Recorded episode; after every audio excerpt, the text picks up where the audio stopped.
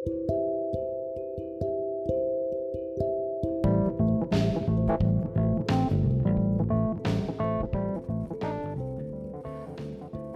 selamat datang di Bacot Mahasiswa.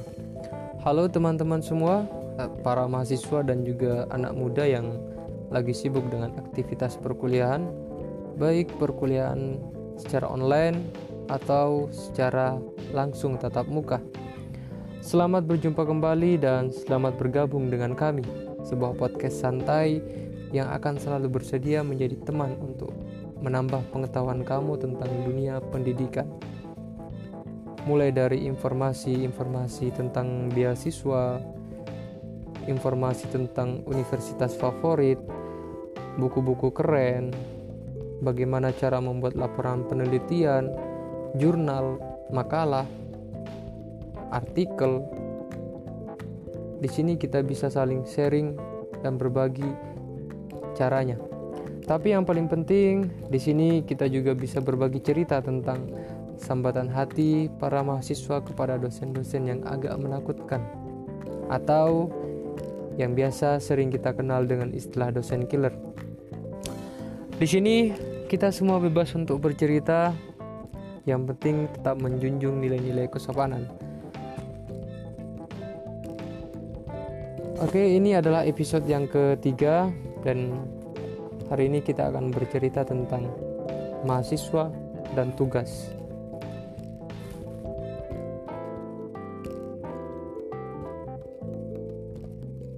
Untuk menjelaskan tentang tugas mahasiswa, terlebih dahulu uh, teman-teman semua harus paham, khususnya yang hari ini menjadi mahasiswa, harus paham kenapa kalian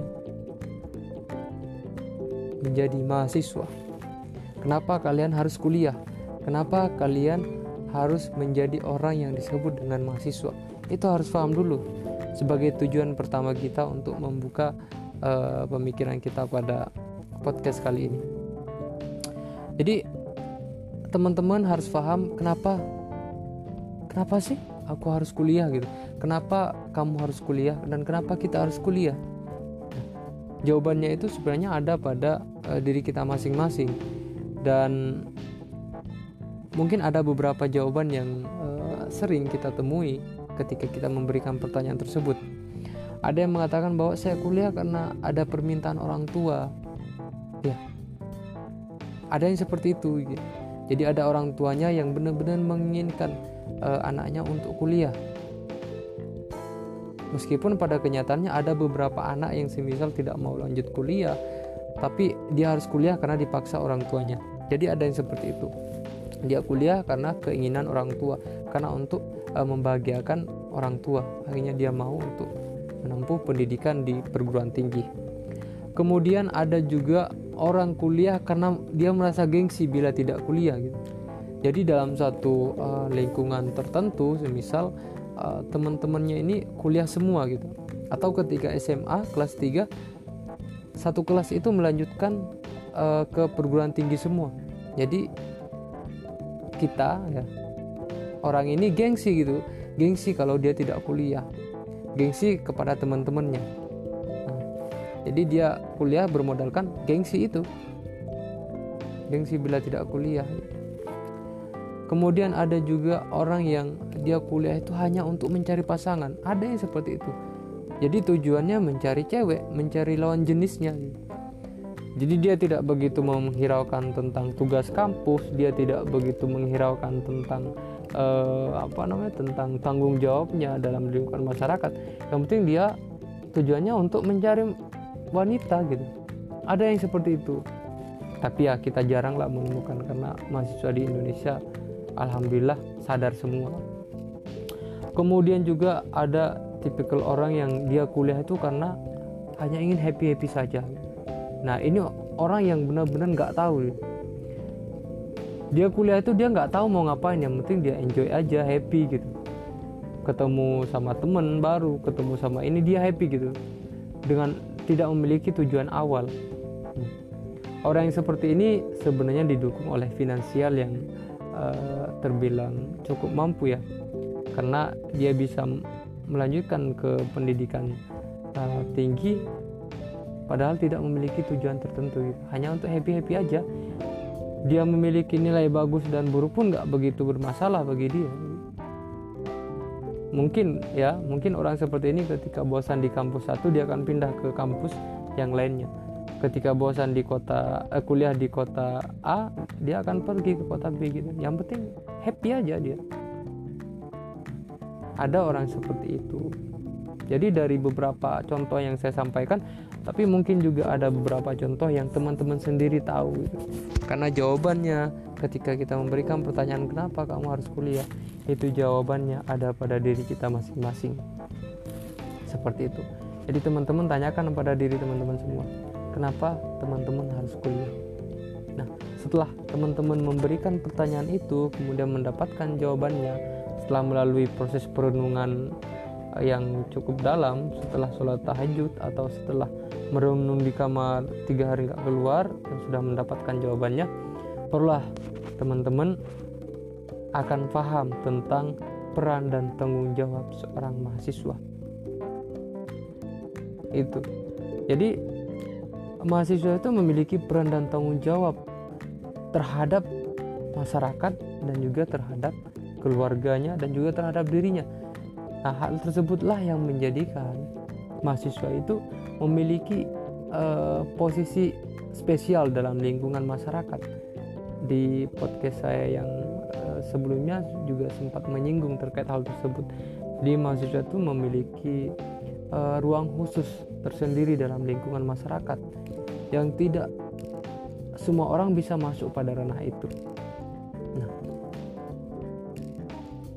memang mahasiswa itu memiliki peran peran ganda gitu, teman-teman sebagai dia sebagai uh, orang yang menempuh pendidikan di perguruan tinggi dia juga memiliki peran terhadap lingkungannya nah ada beberapa peran uh, seorang mahasiswa yang cukup apa yang cukup uh, terkenal lah. Uh, kalau di internet itu banyak kalau di buku-buku juga banyak kita bisa dapatkan bahwa mahasiswa itu memiliki peran sebagai agent of change gitu. penggerak untuk perubahan dalam lingkungan masyarakat. Nah sebagai orang yang memiliki pengetahuan lebih ya mahasiswa itu diharapkan untuk memberikan satu perubahan-perubahan positif dalam lingkungan masyarakatnya. Diharapkan bisa membuat inovasi-inovasi baru yang bisa bermanfaat untuk masyarakat itu salah satu peran mahasiswa jadi ketika pulang kampung, semisal ataupun ketika kembali pada lingkungannya, mahasiswa itu dituntut untuk memberikan perubahan. Kalau mahasiswa tidak bisa memberikan perubahan yang positif terhadap lingkungannya, atau bahkan mahasiswa justru memberikan perubahan yang negatif, maka proses ya proses perkuliahannya itu akan terasa sia-sia teman-teman. Gitu. Karena masyarakat itu akan melihat apa yang bisa kamu berikan terhadap masyarakat gitu.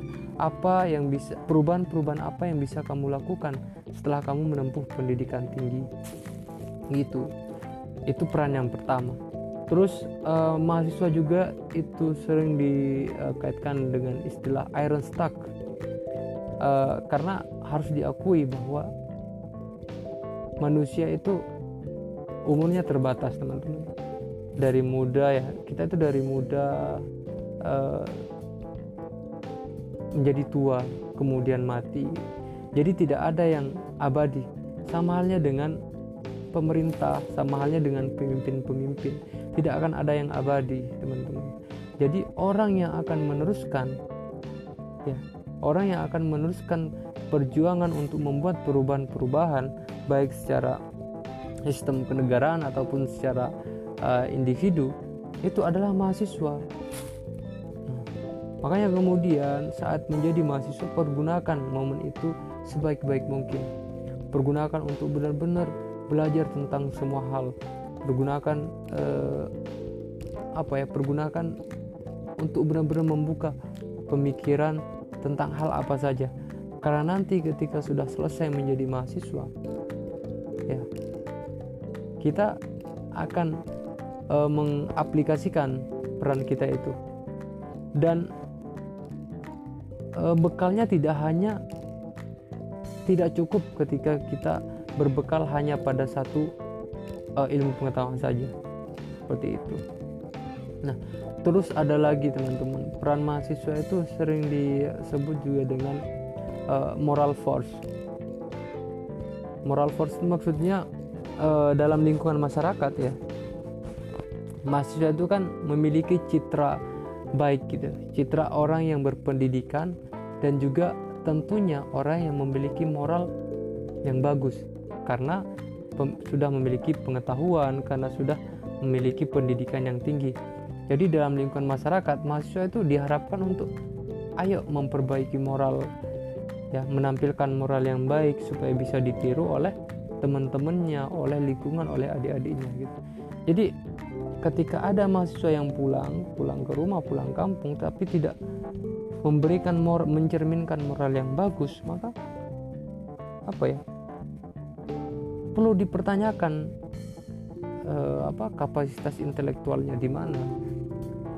Karena intelektual teman-teman ya kepintaran kita itu akan percuma ketika kita tidak memiliki moral yang bagus orang akan menganggap kita rendah ketika kita tidak memiliki moral yang bagus dalam lingkungan masyarakat. Terus ada lagi peran mahasiswa yang uh, sering disebut dengan social control. Jadi dalam lingkungan sosial, dalam lingkungan sosial itu mahasiswa diharapkan untuk mampu mengontrol ya, proses berjalannya suatu sistem sosial baik dari pemerintah ke daerah atau pemerintah ke masyarakat. Jadi ketika ada suatu kebijakan yang menyimpang, ketika ada suatu kebijakan yang itu justru uh, menyengsarakan rakyat, maka sosial kontrol dari mahasiswa itu harus benar-benar ditegakkan. Makanya kemudian ketika ada mahasiswa yang tidak paham tentang sosial kontrol gitu, maka mungkin ketika dia kuliah itu kerjaannya hanya di warung kopi saja menghabiskan rokok, menghabiskan kopi, kemudian tidur. Tidak pernah belajar. Nah, mungkin seperti itu. Dari beberapa peran mahasiswa yang sudah uh, saya sebutkan tadi, mungkin ada beberapa peran-peran-peran lain lagi yang bisa teman-teman semua tambahkan sendiri atau bisa uh, apa tulis di kolom komentar. Nah, kemudian ketika uh, kita sudah mengetahui tentang peran mahasiswa, maka kita sudah meyakini bahwa tugas mahasiswa itu ada dua, teman-teman, yaitu tugas secara akademis dan dan tugas secara non akademis. Tugas secara non akademis seperti yang yang saya sebutkan di awal tadi, yaitu tentang bagaimana uh, apa menjaga kehidupan sosial masyarakat, bagaimana kita berperan dalam lingkungan masyarakat.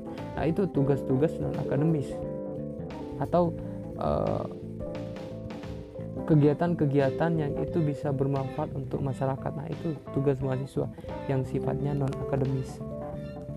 Dan juga ada tugas akademis. Nah, sebenarnya saya ingin uh, lebih fokus untuk bercerita tentang tugas akademis ini karena uh, harus diyakini bahwa mahasiswa itu uh, dalam melaksanakan tugas akademis ini bervariasi gitu cara melaksanakan mereka itu. Nah, ada tipikal mahasiswa yang rajin, ya, rajin, baik, menjadi mahasiswa yang teladan gitu. Dan juga ada tipikal mahasiswa yang sok sibuk sebenarnya, dia itu sebenarnya nggak ngapa-ngapain tapi sok sibuk dan malas gitu. tipikal yang pertama tadi itu adalah orang atau mahasiswa yang rajin mengerjakan tugas rajin bertanya di kelas kemudian benar-benar menjadi mahasiswa yang teladan lah. Gitu. sehingga ketika ada tugas-tugas dia gampang untuk mengerjakan. Sedangkan tipikal mahasiswa yang sok sibuk ini dan tipikal mahasiswa yang agak malas ini adalah uh, tipikal kebanyakan mahasiswa. Banyak mahasiswa yang seperti ini teman-teman harus diakui banyak. Kalau nggak diakui ya bahaya. Nah tetapi harus di mahasiswa yang sok sibuk ini yang malas ini sebenarnya juga memiliki kecerdikan yang luar biasa dalam mengerjakan tugas semisal ya ada dosen yang memberikan tugas uh, minggu ini minggu pertama dia memberikan tugas untuk membuat satu uh, proposal penelitian semisal kalau mahasiswa yang rajin yang baik kemudian yang teladan ini dia malamnya langsung menggarap langsung membuat tugas. Karena dikhawatirkan di besoknya mungkin ada dosen yang lain juga memberikan tugas supaya lebih mudah mengerjakan. Itu nggak numpuk tugasnya. Tapi berbeda teman-teman dengan mahasiswa yang sok sibuk ini. Ketika dosen memberikan tugas yes taruh dulu tinggal ngopi gitu nah, tugasnya ini hari Senin. Ditaruh dulu. Sudah hari Rabu diingatkan oleh temennya. Wes masih lama. Tunggu aja dulu. Santai selu aja ngopi. Nah, pergi ke warung kopi sampai pagi lupa mengerjakan tugas. Sampai hari minggu. Nah, hari minggu malam Senin besoknya udah hari Senin udah waktunya mengumpulkan tugas dan dosen juga sudah uh, menginformasikan kepada mahasiswa untuk besok mengerjakan tugas. Barulah dia sadar teman-teman. Ternyata saya ada tugas yang harus dikerjakan dan tugasnya itu tidak cuma satu misal ada dua. Nah itu mahasiswa yang sok sibuk seperti itu. Apa yang dia lakukan? Ya karena dia memang memiliki uh, kecerdikan bukan kecerdasan. Kecerdikan. Nah, dia menggunakan sistem SKS ya sistem yang sangat familiar di telinga teman-teman mahasiswa semua. Mungkin semua pernah melakukan sistem SKS ini. Mengerjakan tugas dengan sistem SKS atau uh, sistem kebut semalam. Jadi mengerjakan proposal penelitian itu hanya dilakukan dalam satu semalam. Padahal orang yang cerdas orang yang rajin dan teladan ini mengerjakannya itu tiga hari baru selesai. Tapi orang yang sok sibuk ini karena dia memiliki kecerdikan yang luar biasa satu malam selesai sama dia tugas-tugas seperti itu. Tapi tentunya dengan cara-cara yang yang berbeda pasti. Dan cara-cara yang sebenarnya tidak pantas dilakukan oleh seorang mahasiswa. Nah, contohnya cara yang pertama itu uh, copy paste dari internet. Nah, hari ini 2020 apabila ada mahasiswa yang masih copy paste di internet itu perlu dipertanyakan dia serius atau tidak kuliah. Dia serius atau tidak menjadi seorang mahasiswa untuk copy paste itu. Ada masih yang seperti itu. Kemudian karena tugasnya secara dadakan ya dia garap tugas itu dadakan kupoh jadinya. Nah, akhirnya tugasnya itu bisa jadi dia minta ke temen yang sudah selesai gitu. Ya. Biasanya ini cara yang paling uh, banyak dipakai oleh orang itu oleh orang mahasiswa. Jadi dia dia cari mahasiswa atau temannya yang sudah melaksanakan tugas dia minta tolong gitu. Dia pasang muka melas kemudian bilang saya kemarin satu minggu ini sibuk nggak bisa ngapa-ngapain nggak bisa ngerjakan. Akhirnya si temannya yang baik inilah yang memberikan tugasnya. Sehingga ketika mengumpulkan tugas ya dosennya itu bingung kok tugasnya sama semua itu tipikal orang uh, mahasiswa yang sistem kebut semalam itu. Kemudian uh, karena keburu-buru ya, mengerjakan tugas secara dadakan tulisannya itu menjadi tidak rapi. Fontnya udah nggak karu-karuan ya. ada yang besar ada yang kecil ada yang tebal ada yang tipis ada yang uh, huruf besar ya huruf kecil warna merah warna biru semua nyampur di situ nggak karu-karuan padahal mahasiswa itu harus benar-benar teliti dalam mengerjakan tugas supaya dosen ya tidak kecewa ketika melihat uh, mahasiswa ketika melihat hasil tugas yang diberikan kepada mahasiswa. Nah, itu tipe yang pertama, teman-teman. Masih ada tipe lagi. Selain SKS itu ada tipe mahasiswa yang uh, AUSL. AUSL. Ada uang semua lancar gitu. Ada tipikal mahasiswa yang seperti itu. Nah, ini tipe mahasiswa yang happy happy tadi dia tuh kuliah nggak ngapa-ngapain gitu tapi dia punya uang banyak jadi dia bisa beli beli apa dia minta uh, joki untuk membuat tugasnya atau dia bisa membayar teman ya. Teman sekelasnya dia bayar. Semisal satu proposal dia bayar dengan uang satu juta atau tiga juta kan dia punya uang banyak kan enak. Atau ya ini yang paling sering kita temui ya dalam perkuliahan mulai semester 1 sampai semester 14 mungkin ini masih ada. Ketika tugas kelompok ya ketika guru atau dosen memberikan tugas kelompok peran dia itu bukan sebagai peran pemikir gitu. Tapi peran pengeprint. Ada itu mahasiswa seperti itu. Jadi dia bagian ngeprint. Dan juga bayar print-printan. Jadi dia nggak usah bantu untuk mikir bantu untuk penelitian. Yang penting dia ngeprint. Berapa berapa lembar hasil penelitiannya dia ngeprint. Itu ada tipikal mahasiswa yang seperti itu. Nah kemudian uh, dari kedua cara mahasiswa mengerjakan tugas ya bukan mahasiswa yang rajin loh ini ya. Cara mahasiswa yang sok sibuk mengerjakan tugas teman-teman di bagian yang mana? Kalau saya itu sering sekali SKS beneran teman-teman saya akui karena memang kadang sibuk bukan sok sibuk kadang sibuk. Jadi akhirnya mengerjakannya sistem kebut semalam. Itu nah teman-teman semua uh, sebenarnya sebagai mahasiswa kita itu harus benar-benar paham dan benar-benar mengerjakan ketika ada tugas yang diberikan oleh guru atau dosen.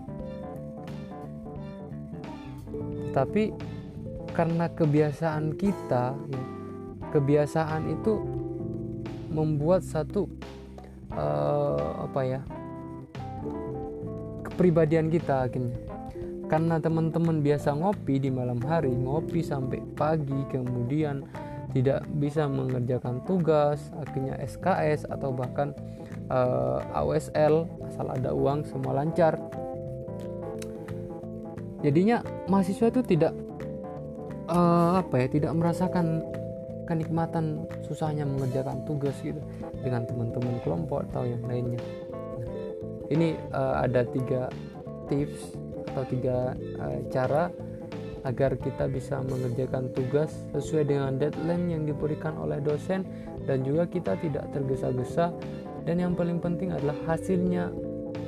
Itu adalah karya kita sendiri yang pertama adalah kita harus mengatur jadwal teman-teman. Jadi kalau ada dosen yang memberikan tugas nyampe di kos nyampe di kontrakan kita harus membuat jadwal. Hari ini saya harus mengerjakan ini besok kita saya mengerjakan ini. Supaya apa ya eh, teman-teman mengerjakannya itu benar-benar bertahap dan selesai gitu. Tapi jangan cuma buat jadwal aja tapi cuma kan buat jadwal kalau nggak dikerjakan. Buat jadwal tapi harus taati jadwal itu teman-teman. Kemudian cara yang kedua adalah kerjakan tugas itu bersama teman-teman. Jadi uh, teman kelas gitu. Jangan banyak nongkrong jangan banyak ngopi. Kurangilah kalau banyak tugas. Kalau kampus sedang aktif dan banyak tugas maka kurangi waktu nongkrong. Berbanyak uh, apa bertemu dengan teman ya dalam tanda kutip bukan nongkrong ngopi loh ya bukan nongkrong uh, ngabisin rokok semalaman nggak ngerjain apa-apa. Ketemu teman membahas tentang tugas kita mengerjakan bareng-bareng supaya bisa uh, supaya ada teman untuk berdiskusi. Kalau ada teman untuk berdiskusi itu enak cepat kita mengerjakannya. Terus yang terakhir adalah teman-teman harus cari tempat yang santai dan enak untuk mengerjakan tugas. Ini beda kalau hari ini. Mahasiswa hari ini tuh mengerjakan tugas di warung kopi. Ada itu. Temanku ada yang seperti itu teman-teman.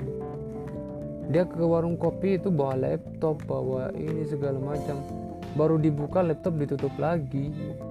Ganti dengan main apa main kartu main uno dan segala macamnya. Akhirnya ya tugasnya ditinggal makanya untuk mengerjakan tugas carilah tempat yang santai. Bisa di perpustakaan atau bisa di taman ya. Bisa ditemani oleh pasangan juga supaya bisa membantu pikiran agar berjalan lancar. Tapi saran saya carilah tempat yang santai seperti perpustakaan. Karena ketika uh, ada sesuatu yang kita kurang paham kita tinggal uh, bisa mencarinya di situ uh, mungkin itu saja podcast kita pada uh, episode ketiga ini mudah-mudahan bermanfaat uh, dan tetap jaga kesehatan jadilah mahasiswa yang baik dan kerjakanlah tugas sesuai dengan deadline yang telah diberikan oleh dosen. Tetap semangat dan jadilah mahasiswa yang baik. Oke, okay, bye bye.